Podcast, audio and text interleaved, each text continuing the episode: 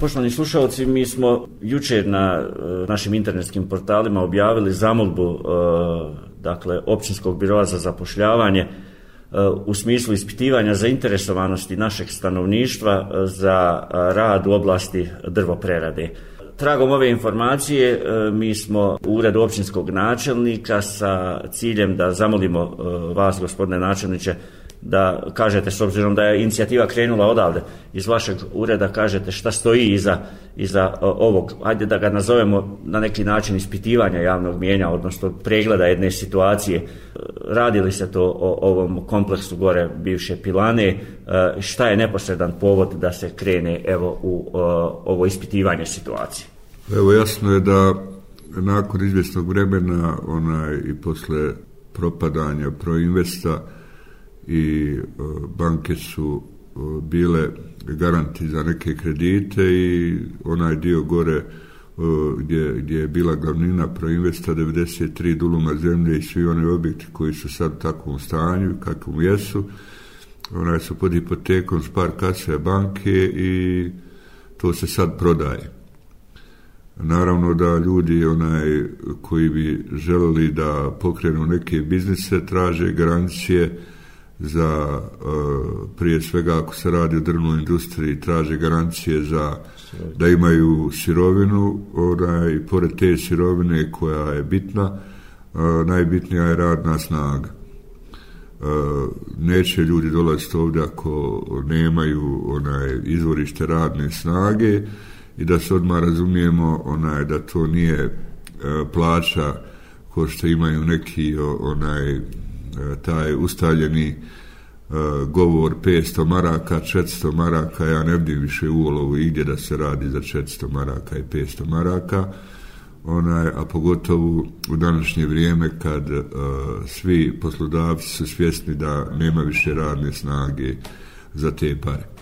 To znači, radi, ovdje se radi čisto o drvnoj industriji, čovjek je došao ovdje uh, da, da ponudi uh, onaj e, fabriku namještaja, pravljenje stolica, ali ova dva uh, uh, bitna faktora su onaj na, na sceni i mi smo krenuli onaj, ja sam lično tražio od biroa da, da se pomogne čovjeku da vidimo da li mi imamo tu radnu snagu. Međutim, mi imamo jako nepripremljen biro gdje jednostavno imate, uvijek se priča o velikom broju uh, onaj ljudi koji su na birovu, ali kad se pokrene priča onaj, o, o, o ponudi nekog posla, onda dolazi do problema i čovjek mi od odgovor sa birova poslu spisak svih ljudi i tako dalje, da mi razvrstavamo i da nam ta skupina bude mjerilo onaj, da ima ljudi, međutim ja mislim da treba ozbiljno prići, sad bi trebalo ko je zainteresovan da se gore prijavi, da potpiše jednu izjavu onaj, da želi rad u drvnoj industriji fabrici namještaja, onaj, nema veze, o, o, tu se traži ženska i muška radna snaga, onaj, ozbiljan je projekat, niko neće doći da, da ulaže ovdje da bi samo bio godinu dana i tako dalje, tako da ne vidim problema da se to sad a, nešto politizira, nisu neke izborne godine, ali isto tako imamo a, ozbiljan problem gore onaj pilane, to je 100 duguma zemlje, mora se nešto pokrenuti, e, pored tog čovjeka, onaj još bi bilo e, ogromno je to, onaj, e, moglo bi se iskoristiti za poslovnu zonu, to znači ima još neki zainteresovani ljudi, onaj, bit će razgovora da sad ne nabrajamo firme, ovaj, nije korektno, ali ovo je sad ispitivanje radne snage da se zna onaj, o čemu se radi. Dvije bi stvari ovdje u zaključku trebalo, da, da, da, da tako kažem, posebno podvući. Prva je činjenica da, da često ljudi kad komentarišu, onda se to čini kao da je napravljena fabrika i da sad se čeka da je to jednostavno ovo je ovo je ispitivanje e, resursa radne snage. Druga stvar, e, činjenica koju treba podvući, općina više ne pravi fabrike. Općina se ovdje u ovom slučaju pojavljuje kao neko kome je stalo da u ovoj lokalnoj zajednici ljudi dođu sa svojim investicijama. Dakle, te dvije stvari treba posebno napomenuti. Dakle, ovo je nekakav prvi korak u smislu da e, e, riješenosti općine da, da sa svoje strane učini sve da jedan takav projekat zaživi ovdje? Ma ovdje sukob nekakav onaj, e, je više raznejašnjen. Ja kao načelnik opštine koji imam ulogu da onaj, riješim taj gore problem i sve ovo što smo pričali predgornim kampanjama, ona ja ću nastojat e, svim, svim mogućim sredstvima da to ostvari. Mene baš briga šta ko priča u dijelu toga kakvi su interesi, nisu, jesu, pričali su i prije ovaj, mnoge stvari gdje se ja nisam obazirao. Ovdje je jasna stvar, uh, E, to je privatni posjed, sad je e, e, banka u pitanju, općina da ima para, kupila bi to sve i napravila poslovnu zonu i podijelila sve to, međutim takva je situacija, ne, ja sam prinuđen na ovaj način da bezbeđujem onaj financijere, prema tome ne vidim tu osim ti zlobnika koji odma znaju koliko će biti plaća, odma znaju da to nikad neće raditi, odma pa kako smo taj više svijet, da nam je sve to crno, a da ne kažemo, onaj, već to ima gore 7000 kvadrata,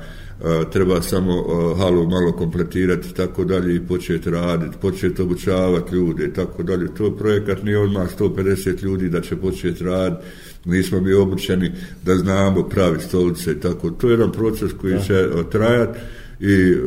na osnovu ovog ispitivanja jasno se zna da hoće li čovjek doći tu i neće doći. Ako nema radne snage, neće doći. Ako nema interesanata za normalne plaće, normalne uslove, naravno niko, niko neće onda da se radi, ali mi onaj, moramo jednostavno rješavati pitanje. I drugu stvar, e, e, jasno šaljemo poruku onaj da, da ako ovo ne uspije da mi nemamo 1700 ljudi na birovu, nego možda imamo 500 ljudi i tako dalje. Prema tome, E, ne vidim ovdje da je nešto posebno e, nejasno, osim toga što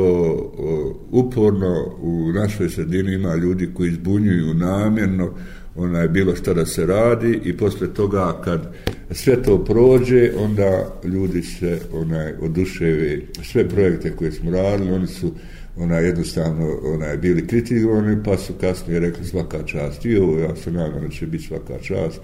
zato što prije svega imamo sirovinu onda ćemo uslovljavati onaj i tu ne treba nešto posebno onaj sirovine ona i jednostavno mi smo šumska sredina gdje jednostavno imamo toliko sirovine da, da uh, ovo u drvnoj industriji što radi uh, pa naših privatnika i ovo što bi došlo to bi se kompletiralo na neki e, 300 onaj radnika to je već ozbiljna, ozbiljna priča. Opština, kolike su nam mogućnosti načelniče, koliko možemo mi biti garanti potencijalnom uh, investitoru za, za ovaj drugi, drugi vrlo važan segment, a to je uh, obezbeđenje sirovine.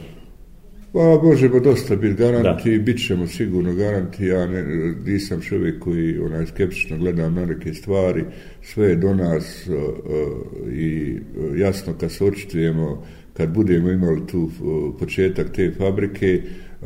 desit će se nešto što ćemo mi uslovljavati, dajte nam građu za te, za te naše. I danas mi dobivamo onaj e, u prioritetu za naše drvne prerađivače. Ne vidim razloga da oni nama dole spore oko, oko međutim mi, mi nemamo onaj e, potražnje za, za preradu a ovamo pričamo neke druge priče. Mislim da će se to kristalisati i ovo što, što mi inače što ja potenciram ovdje da bude upravna jedinica sa podračunom i da ne bude na panju nego po fakturi, to treba malo srediti i da vidim razloga da, da nemamo koristi od e, ovog, ovog, onaj, šumskog resursa. Što imaju nekakvi drugi interesi, onaj, to ne bi sad spominjao, na nama je da, da jednostavno otvaramo ljudima oči da ono što možemo učinimo kvalitetnim, ja mislim, ako bi ovo uspjeli, to bi ovo značilo puno i bio bi ja ponosan onaj, e, to je i falilo onaj, u, u ovom mom mandatima koji, koji, sam, koji su prošli, mislim da je ovo sad još ona je dobro došlo da se riješi i daj Bog da rosto proimesti da sad radi sa 200-300 ljudi, ja bi bio sret. Da. E, poštovani slušalci, nadamo se da smo vam evo ovim razgovorom sa e, prvim čovjekom općine Olovo bacili malo više svjetla na, na ovu tematiku. Dakle, u zaključku, e, bilo gdje da pođete, uvijek postoje prvi koraci, ovo e, jesu koraci prema cilju, ako nam je iskrena namjera, nema nikakve sumnje da će se do tog cilja doći. Gospodine načelniče, hvala vam za vrijeme koje ste izdvojili da govorite za slušalce našeg građana.